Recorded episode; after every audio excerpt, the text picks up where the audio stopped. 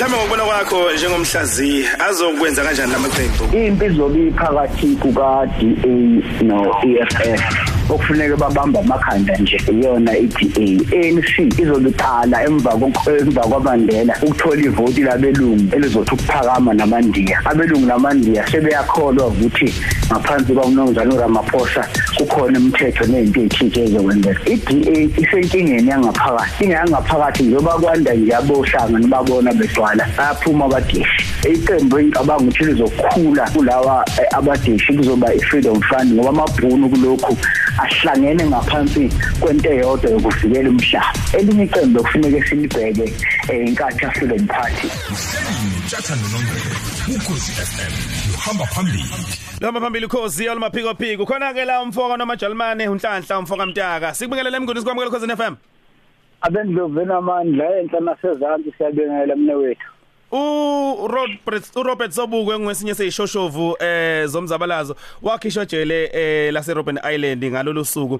Eh awusithi halamzi usithi fahla eh ngalolu daba mfoka mtanga ngaphambi singene kweyithinta imphumela yokhetho usuku labamqoka kakhulu kwabohlanga kumzabalazo wonke wabohlanga. Umnomzane uRobert Mangaliso Sobukwe esinye seyiboshwa ezazi imqoka kumbuso wamabhunu ngoba indlela esatshwa ngayo yena umuntu oyedwa eningizimu Afrika okwaba khona umthetho obizwa ukuthi sobukwe clause ukuthi umthetho owawubhekene nje naye yedwa ukuthi uma masiphela isigwebo sabo sakhe akaphinda ukuthi thasa futhi ngoba babengakholwa ukuthi umeka phuma kuzoba nozinzo eningizimu Afrika. Ngalolu suku ke wakhishwa ngoba kuthiwa kabuyele eh ekwela kubo nala fika suka khona wadingiswa futhi eh endaweni ayezalele kuyona. Eh yiko ngithi ke imqoka lelusuku eh kufuneka ngabe eh, ngempela siyaliqonda ukuthi isho ukuthini ngoba lumqoka njengalolu uMandela mhla ephuma eh ePosmo prison. Kuba bonke abantu noma ngabe uyini noma uyazapho noma uyiSP noma ngabe uyiPAC usobukwe kwayingxenye yomzabalazo wesonke Mm, izinto ezibalekile lezi mtaka ekufanele sizazi ngawo umlando wethu ngoba si lezi khathi esikuzona manje ngenxa y- yamagalelo awo lamadoda lawo esikhuluma ngawo bona o Robert Sib- Sobukwe. Siphuma kulona ukhetho luka 2019 okuba ukhetho ngempela kade silibhekile kade siqalile silibheka nawe. Mhlawumbe lemphumela njengoba kade sekubhekwa ke manje indaba yokwabiwa kwezihlalo eh, eParliament mhlawumbe kusho ukuthini indlela kwabiwe ngayo? Asiqale nje sithi kusho ukuthini ukuhlulwa nokuphumelela okhethweni. Okokuqala kuwena ophumelele kusho ukuthi usunikwe umsebenzi ethe xaxa kule minyaka emihlanu. Kodwa kuwena osuke eh, ungaphumelelanga zimbili izinto ezimqoka. Okokuqala eh kufuneke uyinike ithuba lokuyibuza ukuthi kungani ungaphumelelanga ngoba ayisizi lento yokuthuka wonke omunye umuntu bese uyeke ukuthuka wena ngoba wena phela ubukhankasa bese ngakhankasa ithini okwesibili eh o- okwesibili kumaqembu lawa angenzanga kahle. Esimene sejwayelekile umholo ongenzanga kahle ingqwele nje ibutho layo lithela induku iyama ibuza ukuthi basafuna yini abantu ukuthi beyingqole yabo. Ngamafuphi umnomzana olomisa nomzana ulekota eh nabanye abahluliwe lapha ku-PAC ake niyibuze ukuthi abasafuna yini abantu ukuthi nibe inqole yabo ngoba eh alikho iqembu eliphumelele ukhetho ngamalungu alo ngamafuphi wena nje ubushuliwe nje ubungilalele nje awuhlulwanga amalungu akhe akuwona kuphela ngakuvotelanga kodwa uvotelwanga nayithina abantu baseningizimu Afrika ngoba kunamaqembu lapho uma isihlalo nje besi u43000 eh makhlanzi bala 10 nge 40 40000 khona abangenawo ngisho amalunga awu40000 ngamafuphi eh bebengeke bavotele ngisho iqembu labo ngisho kuthiwa bonke labaphatha amakhadi ababavotela bengeke angena umuntu. Ngamafuphi wena ohluliwe njengomhula ngikhuluma ngamalunga akho wena awuyibuza ukuthi njengoba uphikwe abakwenu nje hmm. wawusuphiwa nayi ithe singakwazi uphanti ufanele nithi ingqwele yeqembu lakho ngoba benza njalo abaholi abayithembayo uthi cha engathi abantu abakangelungeli noma cha engathi abantu khona bangijesa ngabo nithini nina la? Ngakithi hayi ukuthi umholi aqhubeke njengoba akwenzeka ngalutho ebe no 0.0.4% ikhulume ethini le. Hey! Wayibeka mfowabo kwana Jalimane indaba ebalekile leyo ngempela ukuthi umuntu ahlale phansi akayibheke eh futhi abese bheka ukuthi ngabe usakufanelekela yini ukuhola leli qembu eh asuke elihola na. Phambi kokhetho waqagula ukuthi amaqembu amancane azokhula kakhulu kodwa ke eh, iningi manje seliyethuka mangabe libona eh amaqembu njengo FF Plus kanjalo no EFF bedla amavoti emaqenjini eh athathwa njengamakhulu. Ake siphinde futhi ngoba le nkulumo uke wayidlala. Asiqale lapha kuleli lamabhunu. Amabhunu asifundisa isifundo thina bohlanga esimqoka.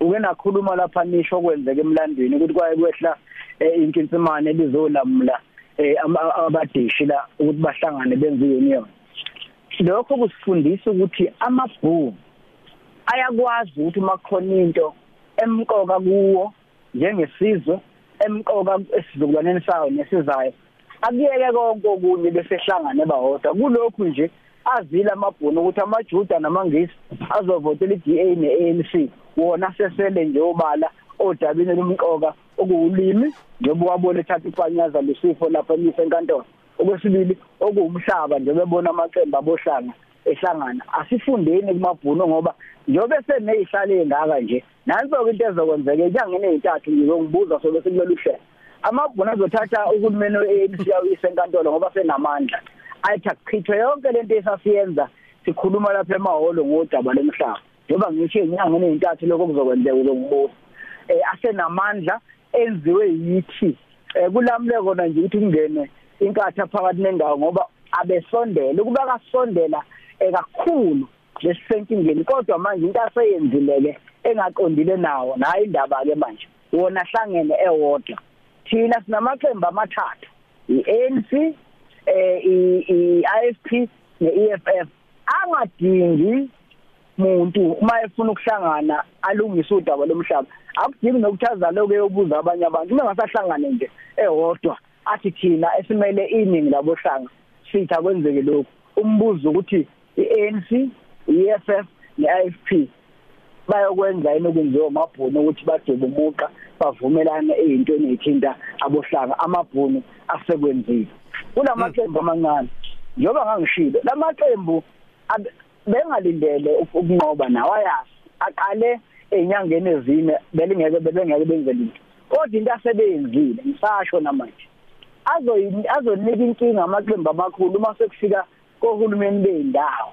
Ngoba njoba asezwile nje ukuthi kuvotwa kanjani aseyazi ukuthi kufuneka enze kanjani azobuye senamandla esekwazi ukuhlukanisa eh, eh, lapha emakhanseleni ngoba uma ufuna ukushaya eh, iqembu elinjenge ANC ekuyiqembu esilibiza ngolimi lesilungu kuthiwa i-liberation movement Mm. eh wenza lokho kwenziwa eHamas ePalestina mhlaba efuna ukuginqa iPLO ungena uhulumeni bendawo ufike ba ubayinyakase khona bothi befika ngenhla lapha sebevese sebehlukene phakathi. Lamaqembu amancane mangisawasho namanje sisa abantu eminyakeni emihlanu bangibuza iqembu leli leyisebenzi workers party bese kuba iqembu leli eh, eh, lamatekisi. Uma lamaqembu amabili engaxabananga elinye iATM uma engaxabananga eminyakeni emihlanu kohulumeni bendawo iwona azoba inkinga. Ngifanele kuloko Ku- kubonakala neqembu iEFF lapha liba eh, iqembu eliphikisa cishe ifundazwe ezintathu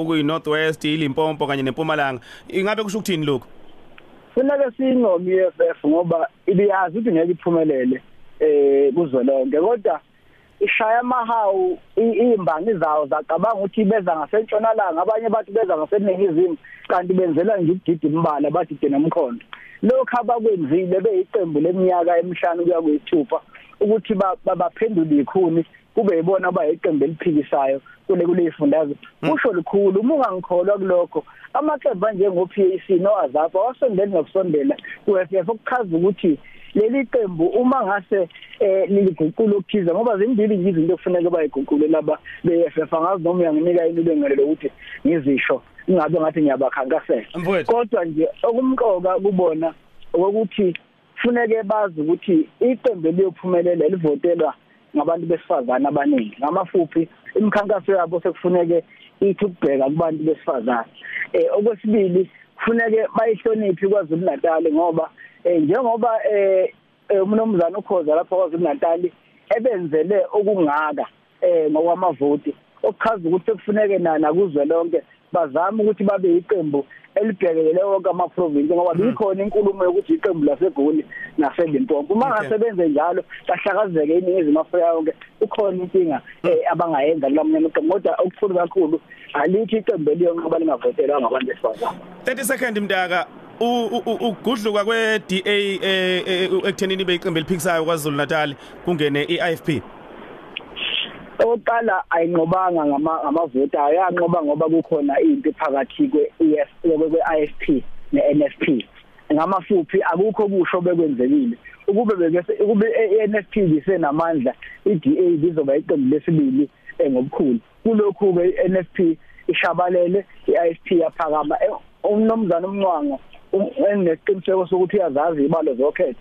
Ngeke ame nje lapha ngithathi mhlabe enqoba banqoba ngekhothe zabo banqoba eh, ngempi eyathinta kakhulu i-IFP i-IFP isilungisa izinto zawo i-DA isibuyele endaweni yayo njengoba eh, kwakunjalo kwasekuqaleni. Akukho nje umwazi ukubala ayikho nje into ehlukile ehlukile ukuthi i-IFP iphumile i-IFP yayilungisa yafike yabuyisa abashana bayo labade behambile. Mtaka sibonga kakhulu ukuhleze kuyintokozo ukuthi sibe nawe sihlaziya ipolitiki ngolwimi lwethu ngalesikhathi njalo makumsombuluko. Umtaka ke ungakwazi ukuthi umthole ku Twitter @nhlanhla mtaka ku Twitter ukwazi ukuthi umlandele siqhubeke zona ke ingxoxo eziphathelene nezepolitiki eh, uyi political analyst esiba nayo kulona uhlelo isidlo sasekuseni. Sibheke ke no 8 o'clock sithole indaba nomtungu